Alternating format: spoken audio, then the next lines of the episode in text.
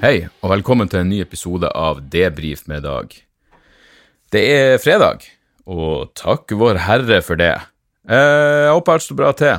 Humøret mitt er adskillig bedre enn eh, sist gang vi prata med hverandre. Eh, Sander er fortsatt hjemme fra skolen, men jeg regner med at dette er den siste sykedagen hans.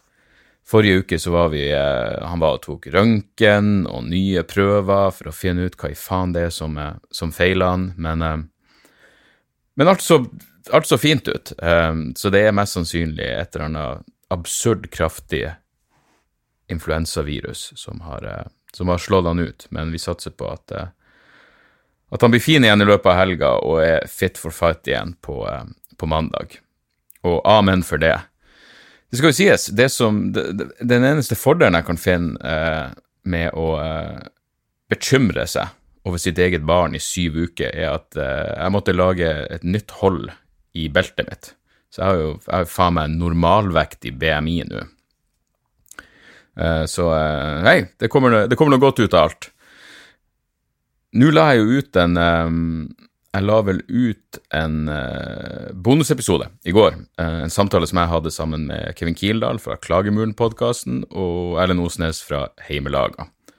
Vi tok, vi tok oss tida til et kaffeslabberas i forbindelse med min tur til Glomfjord. Og da må man reise via Bodø. Heldigvis hadde Altså, når jeg, når jeg sa ja til den jobben i Glomfjord, som for de av dere som ikke vet, som jeg regner med er absolutt alle, så er Glomfjord et tettsted utenfor Bodø. To timers kjøretur fra, fra Bodø. Ikke så langt unna Sandhornøy, der fruen kommer fra. Men i hvert fall Da jeg ble spurt om den jobben og takka ja, for de har noe sånn Vinterlysfestivalen eller et eller annet, så gikk det bare noen timer, og så får jeg en melding fra Kevin Kildahl, som, fra, som har sin opprinnelse i det området. Um, og han spurte skal du til Glomfjord. Jeg ba, ja, ja, da blir jeg med. Jeg ba, hvorfor, hvorfor, hvorfor faen blir du med? Så sa han bare for å se hvordan det går. Og det er jo aldri et godt utgangspunkt for noen verdens ting, når noen bare vil være øyenvitne, når noen tar seg tida til å reise flere timer bare for å være øyenvitne til et eller annet. Da, da, vet du at det er noe spesielt som skal skje. Kevin tilbød seg også å kjøre, eh, som var som var hyggelig. Eh, skal det sies at jeg var umiddelbart skeptisk, fordi Kevin kjører jo til daglig rundt i ei åpen kiste på tre og et halvt hjul. Men arrangøren hadde fiksa oss det jeg i ettertid skjønte var en BMW. Jeg så bare at det var en rød bil som så fin ut. Jeg, jeg, jeg er så lite bilinteressert. Jeg syns fortsatt det er imponerende at jeg kan koble telefonen min til Bluetooth i bilen, og at bilen har et kamera. Det, det er helt fantastisk i mine øyne. Men Kevin heiv seg med, og det var jo jævlig hyggelig gjort. Han berga jo hele den turen bare fordi det å skal sitte fire timer i bil med en arrangør du ikke kjenner, og tørrprate, særlig når jeg så Altså, Glomfjord er faen meg Jeg visste på forhånd at selvmordsstatistikken i det der området er usedvanlig høy, og alle brikkene falt jo på plass straks jeg ankom. De fleste jobber på noe som heter Industriparken der. Jeg, jeg husker, Det er mulig jeg pratet, det er mulig jeg kom inn på selvmord litt for tidlig i showet. At det ble litt, litt bakoversveis der, men jeg, jeg, bare, jeg, måtte bare si det. I stedet Altså, jeg skjønner at det er depressivt å være her, og depressivt å bo her, men, men hva med å flytte? Hva med i stedet for å for å finne frem tau eller hagla? Hva med å bare vurdere å, å ringe et flyttebyrå? Kanskje det hadde vært noe. Jeg mener, Hvis ting er så jævla tragisk at du har lyst til å ende det, hva med å prøve andre omgivelser før du bestemmer deg for at livet ikke er verdt å leve? Bare et lite innspill fra sidelinja her. Men uh, det var Showet var, var, flott, det, og, uh, og, det er jo Det er ikke mange som bor der, så jeg går ut fra den Hvis det var 100 stykker der, så er vel det en respektabel prosentandel av, av folk som faktisk bor der. Men vi hadde jo avreise tidlig dagen etterpå, så det var jo en relativt eh, respektabel eh, seanse etterpå. Det var ikke utagerende på, på noen måte. Um, ja, og Kevin svinga meg tilbake til Bodø dagen etterpå. Uh, jeg kom meg på flyet. På flyet så var jo uh, Formen var jo ikke ja, Til tross for at det hadde vært relativt rolig, så var jo ikke formen all verden. Men uh, jeg hadde, når jeg satte meg på flyet, jeg hadde hatt såpass god tid så jeg hadde fått lest avisene og alt det der, og da Jeg må liksom Jeg har sånn Jeg må gjennom visse ting før jeg føler at jeg kan sette meg ned og se på en film eller en dokumentar. Men jeg hadde fått unnagjort de tingene, og, og så gikk jeg bare gjennom lista på hva jeg hadde lasta ned på, uh, på paden på, på, fra Netflix.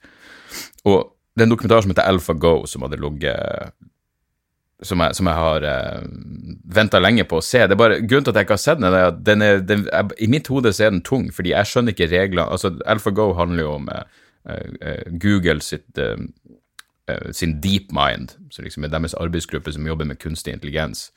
Eller arbeidsgruppe, det er vel et eget selskap som jobber med kunstig intelligens. De hadde utvikla en programvare som slo verdensmesteren i Go, og Go er et ekstremt komplisert ekstremt gammelt, de har spilt i tusenvis av år, eh, eh, brettspill med opphav i jeg tror det er Japan, i hvert fall i Asia en plass.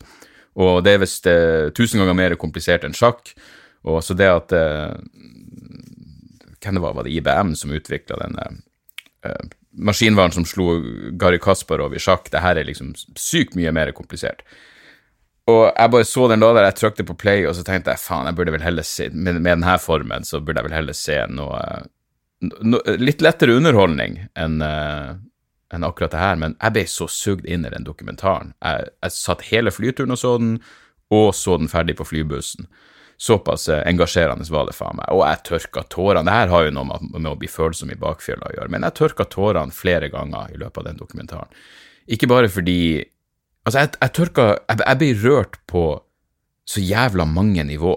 Først ble jeg rørt over hvor hardt han eh, For det Å, hva heter han, Lee etter eller jeg tror han er, han er koreanske, sørkoreanske eh, go-geniet, som liksom var den, den som, skulle, som, skulle, prøve seg. Han var liksom tilsvarende Gary Kasparov. Eh, og bare hvor hardt han prøvde, for han hadde en sånn ekstrem selvtillit i starten. Han var sånn, De, skulle spille fem partier, og han var sånn Det blir 5-0 til meg. Maks 4-1 til meg. Um, eller i verste jeg, vinner garantert. Jeg blir å slå denne maskinen. Uh, mest sannsynlig blir jeg å vinne alle fem partiene, i verste tilfelle så vinner jeg bare fire partier. Men han tapte jo, jo fire, men vant ett. Men jeg blir rørt over hvor hardt han prøvde. For han var jo Jeg mener, det går an å ha selvtillit og fortsatt være ydmyk. Og han var jo i høyeste Det er sikkert en kulturell greie òg, men han var jo i høyeste grad ekstremt ydmyk. Og bare det å se hvor jævlig hardt han bruker sin selvfølgelig imponerende, men samtidig begrensa menneskelige kognitive arbeidskraft mot denne jævla maskinen som ser flere hundre trekk fremover. Det var, det var rørende. Og så ble jeg også rørt, men det var med på, sånn, på et helt annet nivå over når maskinen begynner å gjøre For her er det som er litt creepy også. Plutselig så gjør maskinen trekk som ingen skjønner noe av, før mange trekk seinere, fordi den ser så langt fremover. Den, den, den, ikke sant, fordi her, Ok, her nerder ut på, på det lille jeg forstår av kunstig intelligens, men det er jo en forskjell på å programmere uh, hva man skal kalle det, en kunstig intelligens til å gjøre noe spesifikt. Det er noe annet med det som heter maskinlæring, hvor de lærer, hvor de lærer programvaren til å lære seg sjøl opp. ikke sant? Så denne maskinvaren hadde jo bare spilt Go tusenvis på tusenvis på tusenvis av ganger og, læ og fått mata inn en masse eh, menneskespilte parti for å se og, og analysere. Eh, og etter hvert så lærer den sjøl, så den begynner å gjøre trekk som vi ikke forstår. Den begynner å utvise sin egen logikk som er utenfor menneskelig fatteevne. Og det er da du liksom får en sånn fuck, det her er litt creepy, det er skummelt, det er spennende, men det er først og fremst creepy. Og, uh, og jeg blir rørt av det, av det også, av en eller annen grunn. Liksom bare det å se overmenneskelig intelligens på den måten, var Særlig når, når du begynner å tenke ja, tenke logikk på en måte som vi ikke forstår, og det er jo derfor mange er så redd kunstig intelligens, at, at, det, at den skal ja, at den skal begynne å lære opp eh, lære opp seg sjøl å utvikle en, eh, en, logikk som ikke vi forstår. Så uansett, AlphaGo er virkelig verdt å, virkelig verdt å sjekke. Um, ja, jeg ble såpass sugd inn i det der at jeg glemmer jo faen meg hva jeg hadde lyst til å prate om. Ellers, ja, det spredde seg jo Det ble jo en nyhetssak ut av um, Truls Svendsen, som det må sies, uh, jeg har vel truffet han én eller to ganger, virker som verdens hyggeligste menneske. kun positiv energi, og ikke minst godhjertig. Jeg husker han, han, han, sendte meg en melding ut av det blå på, på, Facebook, uten at han ville noe, bare for å si at han syntes det var hyggelig at jeg hadde suksess med et show eller et eller annet. Det var, det var sånn wow, faen for en, for en sykt trivelig fyr Truls Svendsen er. Men så var han på Lindmo og dro en vits som er en, eh, en Seinfeld-vits. Og ikke bare en Seinfeld-vits, men vel en av de, en av de mest klassiske Seinfeld-vitsene som, eh, som, noen gang er skrevet. Som ikke bare Seinfeld har gjort på scenen, men som han vel gjorde i selve Seinfeld-programmet. Så Truls Svendsen gjorde det her, og så prata Tusvik og Tønne om det på sin podkast, og så gjorde TV 2 en nyhetssak av det her. Um, og um, skal det sies, jeg har sett andre komikere gjøre den vitsen også, i sitt eget show, som handler om å være livredd. Så, eh, så Truls er ikke den første som går på, på denne smellen. Og nå må dere forstå, for vanlige sivile der ute, det å stjele materiale er det verste du kan gjøre.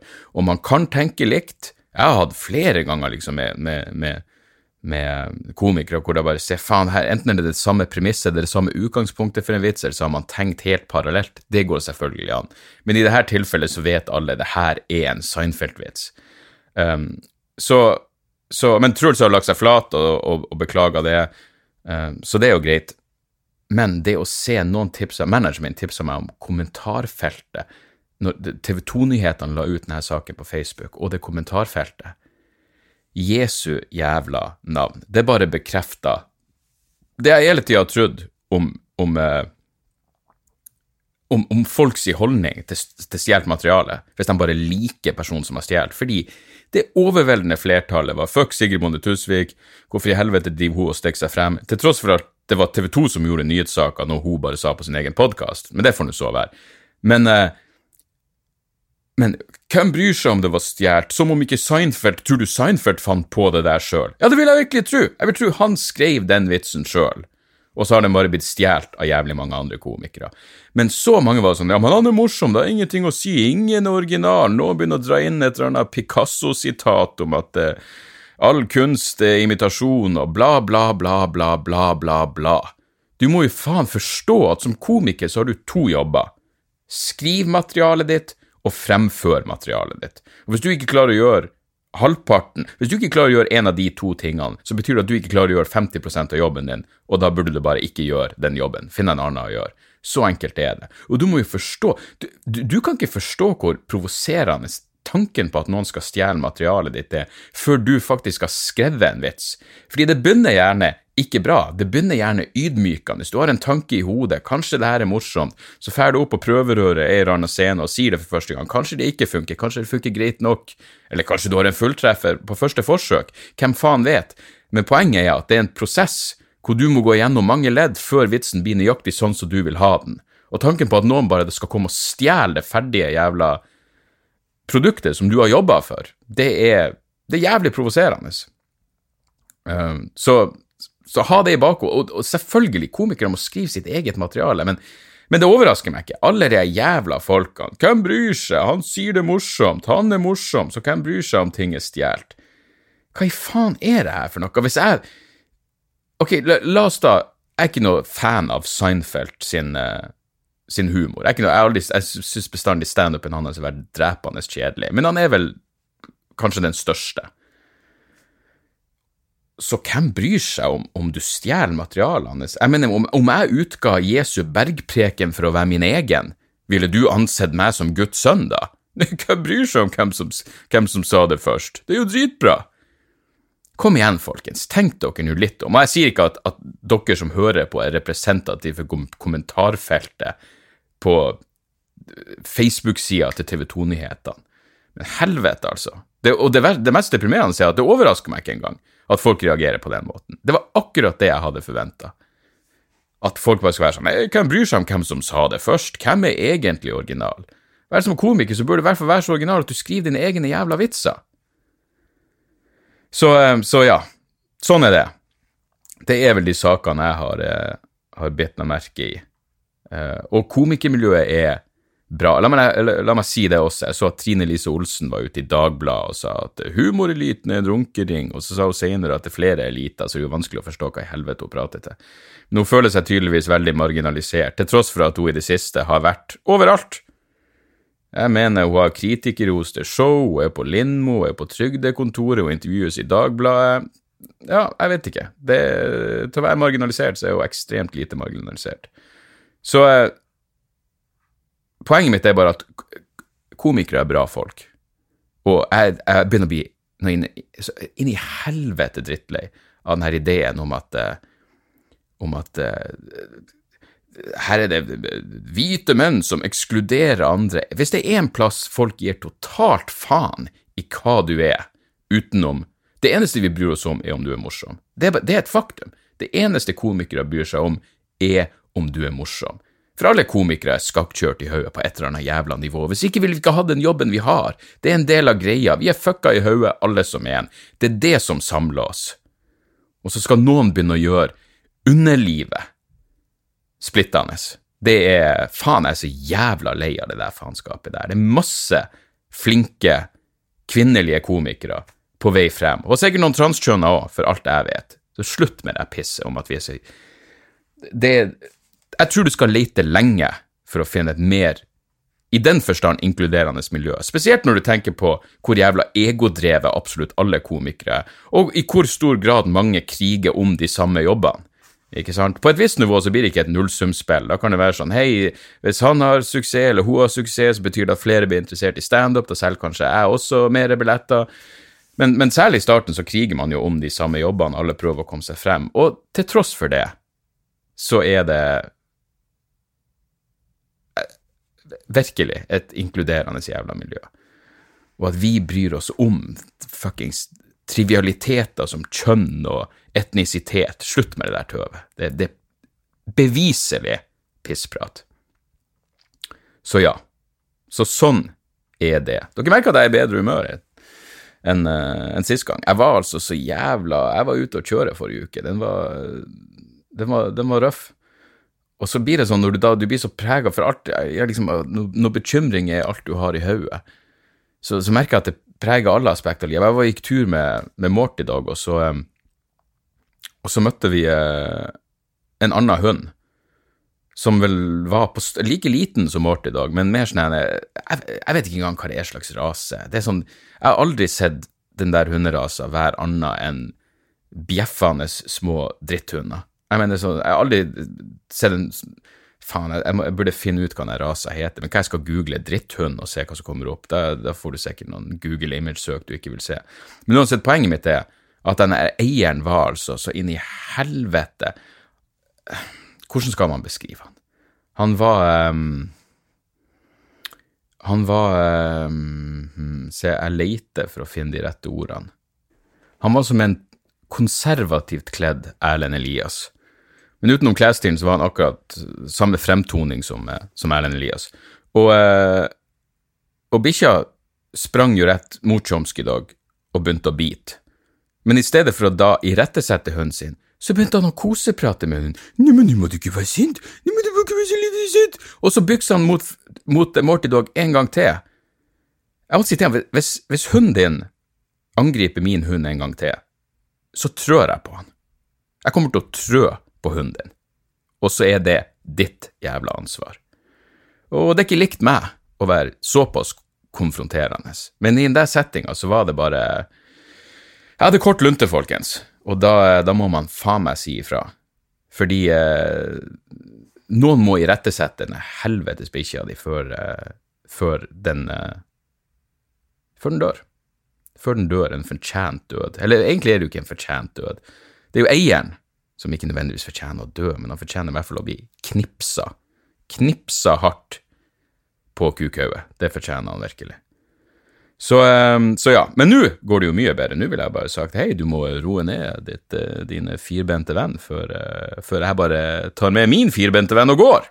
Ja, så mye går det an å forandre seg på, uh, på bare ei uke. Så ja, det er, det er, der vi står. Jeg har vel La meg bare sjekke tida her. Nå flyr den jo faen meg av gårde. 19 minutter. Der, ja. Da kan vi jo ta noen mailer, kan vi ikke det? Skal vi se um, Ja, den her så jeg. Kristel skriver til meg, fordi den her er relevant for det vi spurte om tidligere. Hei, Dag. Digger podkasten og standupen din. Du leverer alltid gull. Gleder meg alltid til nytt innhold fra deg. Sånn, da var det formelle og forventede over. Spørsmålet mitt og grunnen til at jeg sender mail, er fordi jeg lurer på hvilke kvinnelige komikere du liker best. Typ topp tre, eller så mange du gidder å nevne. Gjerne både norske og internasjonalt. Um, om dette er noe du har pratet om før, husker ikke helt, for å være ærlig, så hadde kvinnelige forfattere vært like interessant. Hadde blitt veldig glad om du tok deg tid til å svare. Vel, eh, som jeg sa, så er det jo masse nye, flinke Nye, flinke kvinnelige komikere. Um, og bare forrige, forrige helg, forrige fredag, så var jeg på, på Humorsalongen som publikummer, eh, fordi eh, Jan Tore Christoffersen og, og, og, godeste Kevin eh, sto. Og da så jeg, ikke for første gang, jeg har sett henne før, men da så jeg Amanda Erlandsen. Dritflink. Virkelig et hode for å skrive vitser. Hun, er, hun kommer til å bli eh, kjempebra. Hun er allerede flink. Eh, så hun er et tips. Eh, Marlene Stavrum er ei anna som jeg liker veldig godt. Hun er dritbra. Så, så det, det, det, er masse kvinnelige komikere der ute. Men jeg, jeg ser mest Jeg ser mest Altså, mine, blant mine favorittkomikere så er det mest menn. Det må jeg ærlig innrømme. Og det er nå en gang sånn det er. Men det betyr ikke at det ikke er masse morsomme damer der ute. Laura Kilmartin er morsom. Jeg elsker Maria Bamford, er jo helt jævla fantastisk. Uh, og faktisk, vi, um, Linda Mahala gjør vel jeg, Faen, det er lenge siden jeg har sett henne, men jeg, jeg fikk bestandig litt sånn Maria Bamford-vibe av henne. Hun var også veldig morsom. Så, så det er bare å fære ut og se Fær ut og ser standup nå, og jeg lover deg det er noen damer der som er morsom, i den grad det en gang betyr noe at de, at de er damer. Uh, kvinnelige forfattere Vet du, Det her tenkte jeg på akkurat, for jeg har jo, jeg har jo rundt meg så har jeg jo plakater, og det er jo Ja, det er mye menn. Uh, men et av mine favorittmennesker gjennom tidene har jeg også eh, et bilde av på kontoret mitt, og det er jo Emma Goldman. Den notoriske anarkisten og virkelig revolusjonære, tidvis rabiat revolusjonære. Men hun var jo den som, i tillegg til å være eh, ytterliggående på venstresida, så var hun i tillegg sånn kulturelt eh, anlagt. Hun var vel den som har det sitatet om at eh, hun vil ikke være en del av en revolusjon hun ikke kan danse til. Så hun er, hun er, fantastisk. Eh, og hun skriver også 'Living My Life'. Den selvbiografien er virkelig verdt å sjekke. Um, og ellers forfattere ja, men Poenget mitt med det var at jeg tenkte faen, men mye av de liksom av, av Klart, når du leser jeg mener, hvis det, er, hvis det er filosofi og sånne ting, det, det er jo gamle, det er Bertrand Russell, og det, det er mye menn. Absolutt. Men av nyere forfattere som skriver om ting som interesserer meg, så er det like mye jeg elsker Amy Webb, jeg elsker Rebecca Solnit, jeg liker Jennifer Michael Hecht. Det, det, det, er masse der ute. Og fiksjon uh, Jeg leser jo nesten ikke fiksjon. Uh, han er Welbeck Welbeck Holbeck Dere vet nå om franske jævelen. Underkastelse. Muligheten av en øy. Og nå er serotonin, som jeg ikke har lest ennå. Men uh, Eh, poenget mitt er Arundati Roy er vel den, den, eneste jeg kan komme på som har skrevet noe fiksjon som jeg har fått noe ut av i, i det siste. Men, eh, men ja. Eh, så ja, der, der, har du svaret ditt. Og så uh, har jeg allerede glemt hva jeg svarte, men her var et, for så vidt et lignende spørsmål. Hei, Dag. Det her er fra Hans Storre. Hei, Dag, og takk for super podkast. Som en balansert og reflektert komiker klarer du å trekke frem komikere på høyresiden som er verdt å høre på. Prøver å bryte ut av mitt eget ekkokammer og innser at komikere er en stor del av det. Late night shows og standup virker stort sett alene mot venstre. Vet standup kan ha noen poenger, og det har kanskje flere også, men har du noen klarere eksempler? Eh, høyresiden virker ganske humørløse, og det, og det som er der ute, som jeg har hørt før, blir eh, fort litt pinlig halvrasistisk bestefarhumor, med vennlig hilsen Hans. Ja, Nick DePaulo er vel den første jeg kan komme på, som, eh, som vil er politisk og på høyresida og morsom.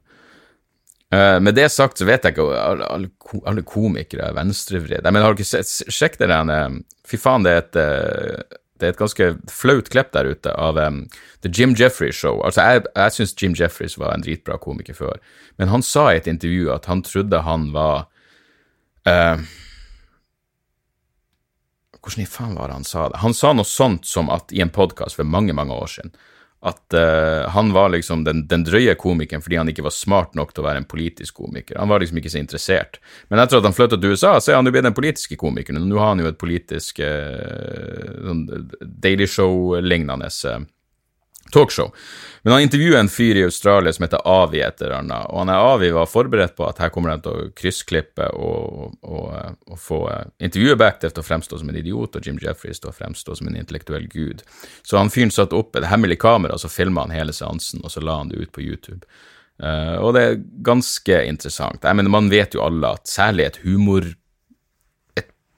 politisk humorprogram Det er klart, mye av humoren ligger i måten du klipper ting sammen på, men eh, så du, burde jo aldri stille opp. Hvis du vil reinvaske deg moralsk eller intellektuelt på noen måte, så tror jeg ikke et, et humorprogram er måten å gjøre det på. Men uh, det klippet jeg, jeg, jeg, legger i showbeskrivelsen, så skal jeg finne ut nøyaktig hva det, hva det klippet heter. Hva var poenget mitt? Jo, poenget mitt er jeg vet ikke om komikere er så venstrevridde. De som prater om politikk, er vel gjerne utgir seg i hvert fall for å være på venstresida. Men uh, jeg, altså, jeg, har sagt det mange ganger, og jeg sier det igjen. Eksplisitt politiske komikere er, er noe som ikke jeg er noe fan av lenger. Jeg syns det, det, er ganske kjedelig. Og selv hvis du ser på en fyr som, som, som Bill Hicks, som liksom var grunnen til at jeg begynte med standup Jo, han er på venstresida når han prater om um, om utenrikspolitikk, og kan vi ikke alle bare håper å si, ta syre og reise ut i verdensrommet sammen. Absolutt hippie-dippie og venstresida, men på mange områder så var han jo så var han jo eh, på det som vel vil klassifiseres som høyresida. Jeg mener både i sitt syn på legalisering av narkotika og eh, prostitusjon og ja, Det er mange sånne kulturelle ting som assosieres mer med høyresida, som komikere lener seg mot. Og jeg mener, komikere er vel, i hvert fall de jeg liker best, det er vel det er vel en kombinasjon av at du er veldig liberalistisk, og samtidig har noen eh, Forhåpentligvis noen medmenneskelige trekk i forhold til Ja, sånn som jeg. Jeg, vil, jeg vet ikke engang hvor jeg står. Jeg er vel, jeg er vel jeg er mer på venstresida enn jeg er på høyresida, men, men jeg vet da faen. Jeg, jeg, prøver ikke engang å Jeg tenker ikke sånn lenger. Uh, det blir fort jævlig kjedelig hvis du, skulle, hvis du skulle identifisere deg, i hvert fall med noe sånn partipolitisk Jesu navn, så jævla kjedelig. Her er mitt favoritteksempel. Å, uh, oh, fuck, hva heter han jævla Han amerikaneren, han uh, som prater om at nordkoreanerne er så onde at de er i sort-hvitt. Uh, Louis Black. Louis Black var i Oslo mens Obama Eh, midt i, eller på starten av Obama sin andre presidentperiode, og så sto Louis Brecht bare og prata dritt om republikanere. Og det virka sånn, kom igjen, mann, nå har du en av dine egne i Det hvite hus, prat nå om Prat nå om demokrater nå. Det er ikke som om det ikke er noe overvåkning og droneangrep og sånne ting å ta av. Det, det er alltid noen å kritisere sine egne for. Så, um, så jeg vet ikke, jeg, jeg, er ikke engang sikker på om du har rett i at alle er så, så venstrevridd. Det er mulig de som prater eksplisitt om politikk, er venstrevridd. Og da, da, er vel som sagt Nick de Paula den eneste jeg kan komme på som, eh, som har noe, noe, noe, noe høyrevridd materiale som allikevel er, er verdt å høre på. Um, skal vi se Tor Hegge. Hei, Dag. Nydelig podkast. Elsker lengden på episodene. Her på fredag var du Når er den her meg fra? Tre dager siden. Her på fredag som var, ble det gjort mye humor rundt Tor Mikkel Wara og dette med at kona ble sikta. Det er vel samboeren. Eh, dette var Nytt på nytt. Jeg for min del syntes det var artig å lå godt av dette, men enkelte i familien ble så støtt av det som ble sagt at jeg plutselig ble en dårlig fyr for å lede av det. Alt kan køddes med, det kommer bare an på vinklinga. Det skal, si, det skal sies det var absolutt ikke hets, dette er jo tross alt NRK som reguleres. Er dette noe du, dere som komiker er mye borti. Spesielt ser jeg for meg at du som har en del mørk humor, lett kan krenke andre. Hvordan takler man dette på en ok måte? Driter man rett og slett i det og tenker at de jammen meg får ha det så godt? Med vennlig hilsen. Jeg, jeg, får ikke, jeg er ikke så mye borti det her. Altså det, i, I verste tilfelle så er det vel når jeg gjør når jeg gjør show med andre komikere hvor ingen er der for å se meg spesifikt, at noen kanskje blir støtta et eller annet. I verste tilfelle røyser seg og går, men, men, det er jo helt greit. Det er ingen problem. Så lenge ingen prøver å ødelegge showet for andre, så, så er det ingen problem at noen røyser seg og går. Det er helt greit. Det her var ikke for deg. Flott. Bare gjør litt mer forarbeid på hva du går og ser neste gang. Men kanskje han var der for å se noen andre. Kanskje han bare går ut i baren og tar seg en drink og venter til jeg er ferdig. Det, det, er helt på sin plass. Men i det store og det hele så uh, Så vet jeg ikke om, om, om, uh, om folk egentlig lar seg krenke så jævla så jævla lett. Jeg, mener, er, jeg har et veldig sånn ambivalent forhold til, til akkurat der, det der, og jeg er ikke helt sikker. Men, men, det er derfor jeg bare er så sykt glad for at jeg nå trekker mitt eget publikum, som, som er i stand til å forstå at en vits er en vits. Og selv om jeg, om jeg så mener det jeg sier, og du syns jeg er et rasshold for at jeg mener det, så er hele tida intensjonen å få latter. Intensjonen min er at det skal være morsomt. Og, eh, og, så lenge det er utgangspunktet ditt, så lenge du bare prøver å være morsom, så burde folk bare eh, trekke pusten og gi deg en sjanse. Um, ja, skal vi se Lords of Chaos. Den så jeg jo akkurat. Skal vi se, det her er Daniel. Som har sett Lords of Chaos. Hva tenker du rundt filmens kritikk? Neko syns det var lite lite respektfullt at filmprodusenten ikke tok kontakt før sent i filmproduksjonen. Han slakta manus og sammenlignet det med en syvende klasse stil, bla, bla, bla. Jeg vil også legge til at jeg synes det er kult at regissøren bruker humor med tanke på hvor mørk historien er, som sier alt kan køddes med. Jeg syns Lords of Chaos var underholdende. Jeg vet ikke om det var en bra film. Uh, og så var det jo også en påminnelse på helvete, altså det I hvert fall den homofobe, det drapet i Lillehammer er Det er bekmørkt bekmørkt. Og uh, Altså, det, det, det, som skjedde, var jo at uh, en, en, en, homofil mann la an på uh, Det var vel trommisen i Emperor. Og han stakk av ned for det. Og jeg husker at trommeslageren i Mayhem forsvarte det her i en dokumentar og sa noe sånt som at de var stolt over at han drepte den homsen, og da kaster du jo faen meg bare opp i kjeften din. Faen, det er bekmørkt.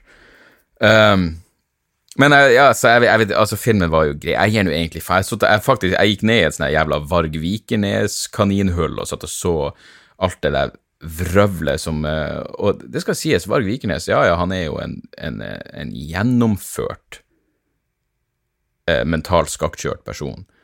Men bare måten han åpenbart fortsatt ikke har noe Ikke engang bare ingen anger over eh, at han tok livet av kompisen, men ingen ser ikke engang ut til å ha noen refleksjon rundt det, utover at høyda er den sterkeste, og faen for en ynkelig skapning. Men, uh, men, ja, filmen var grei nok. Jeg syns han er en uh, jeg håper å si det lillebroren til han i Alene hjemme. Han gjør en bra rollefigur, og, uh, og som sagt, drapene er jo grafisk og, og jævlig, og og ja, jeg hørte, jeg hørte, på de gamle klassikerne eh, etter å ha sett filmen, liksom. Det, det gjorde jeg. Så, så jeg, jeg, vet ikke. Jeg vet ikke om det var noe bra film. Jeg, jeg så den én gang, og jeg tviler på at jeg, jeg, er 100% sikker på at jeg kommer aldri til å se den igjen. Men eh, grei underholdning. Eh, om noen får noe ut av den uten å være interessert i black metal i utgangspunktet, det, det vet jeg virkelig ikke. Men, eh, men ja, sånn er det. Skal vi se, siste her tar vi fra Martin. Uh, skriver filmtips. Hei, Dag. Siden du liker hevnfilmer, så anbefaler jeg Nocturnal Animals. God film med hevn som tema. Nocturnal Animals. Det ringer ei bjelle. Er ikke det med Jake uh, Gyllenhaal? Jeg må bare dobbeltsjekke her. Fordi hvis det er det, så husker jeg i hvert fall um, jeg husker jo faen meg ingenting. Jeg og dama satt jo og så ferdig Russian Doll her om dagen, og så bare at jeg spør henne tre dager etterpå hvordan i faen var det det slutta? Ingen av oss husker. Nocturnal Animals fra 2016, ja. Jeg husker den filmen. Jeg husker, og for, Å, satan, ja. Fordi i starten der, det er jo eh, Det er jo marerittet når de blir stoppa langs veien, og så bare den eh, ja, Det er vel noen av de største frykter du kan få, at, at noen at du, at du, som den som skal beskytte familien din, bare blir satt i en helt eh, impotent posisjon.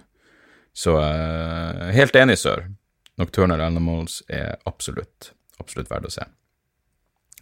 Der er vi på en halvtime, og jeg syns jeg hører lyder fra stua som betyr at eh, Morty Dog vil ut og tømme Tøm tarm eller pung. Skal vi se Tøm pung, han tømmer ikke pungen han pisser. Tøm urinrøret. Så, så, det må vi jo absolutt få gjort noe med. La meg avslutte med et par tips. Eh, HMS med ETK, podkasten. Mine kjære venner Hans Magne Skar og Jan Tor Kristoffersen har starta opp igjen den morsomste jævla podkasten her til lands, og eh, den kan bare anbefales. HMS med JTK, bare hør på det og gjør dem til superstjerner. Det er, det er så feel good så du får det. Herregud, for noen nydelige mennesker de er. Jeg har også begynt å høre på eh, Aftenposten sin podkast Forklart, og jeg syns den er bra. Uh, de har vel tatt et clou fra den Vox Explained, men Vox har jeg et problematisk forhold til. Men, um, men Aftenposten sin Forklart, det er liksom et kvarter med et tema hvor du liksom skal få en grunnleggende innføring i, i hva det handler om. Og ja, bra, pod, bra podkast. Så et par kjappe musikktips. Louise Lemon, svensk artist, eh, som jeg så på Instagram hadde likt et bilde jeg la ut av Mort i dag. Så bare det er jo god nok grunn til å plugge henne. Men hun er dritbra. Jeg elsker hennes forrige. Hun ga ut en EP som heter Purge, og nå har hun kommet med sin debutskive som heter An Open Heart A Broken Heart Is An Open Heart. Og uh, fikk faktisk jævlig bra anmeldelse i, uh, i Dagbladet, og det var jo kult. Uh, dødsgospel omtales det vel som. Det er sånn det, det, er heavy musikk uten å være heavy. Det er følelsesmessig tungt, og uh, Chelsea Wolf dras jo ofte frem som en åpenbar sammenligning. men jeg, jeg vil tro at Louise Louise Mans burde ha en stor kommersiell appell, fordi det er mørk musikk, men den er melodiøs og har en dritbra stemme. og Jeg, jeg, kjøpte, kjøpte, til og med vinylen, så um, vel verdt å sjekke. Hvis du liker det mer heavy, eh, mer, mer Hva er ordet? Sonisk? Sonisk? Sonisk heavy. Helvete, den nye Venom Prison, Samsara. Beinhard beinhard, nydelig kombinasjon av, av, av hardcore og death metal. Og med en kvinnelig vokalist. Ikke det at det har noe å si, men det er en kvinnelig vokalist, hun er badass. Så uh, sjekk det ut, folkens. Og så må dere bare ha ei fortreffelig jævla helg. Og så, um, så, høres vi igjen neste uke. Jeg er glad for at dere hører på. Um, spørsmål, innspill, alt det der. Debrifpodkast.gmil.com. Podkast med C. Jeg vil bare uttrykke min kjærlighet til dere alle som én, og uh, vi høres igjen neste uke. Hæ? Er ikke bedre enn jeg er i godt humør? Tjo og hei!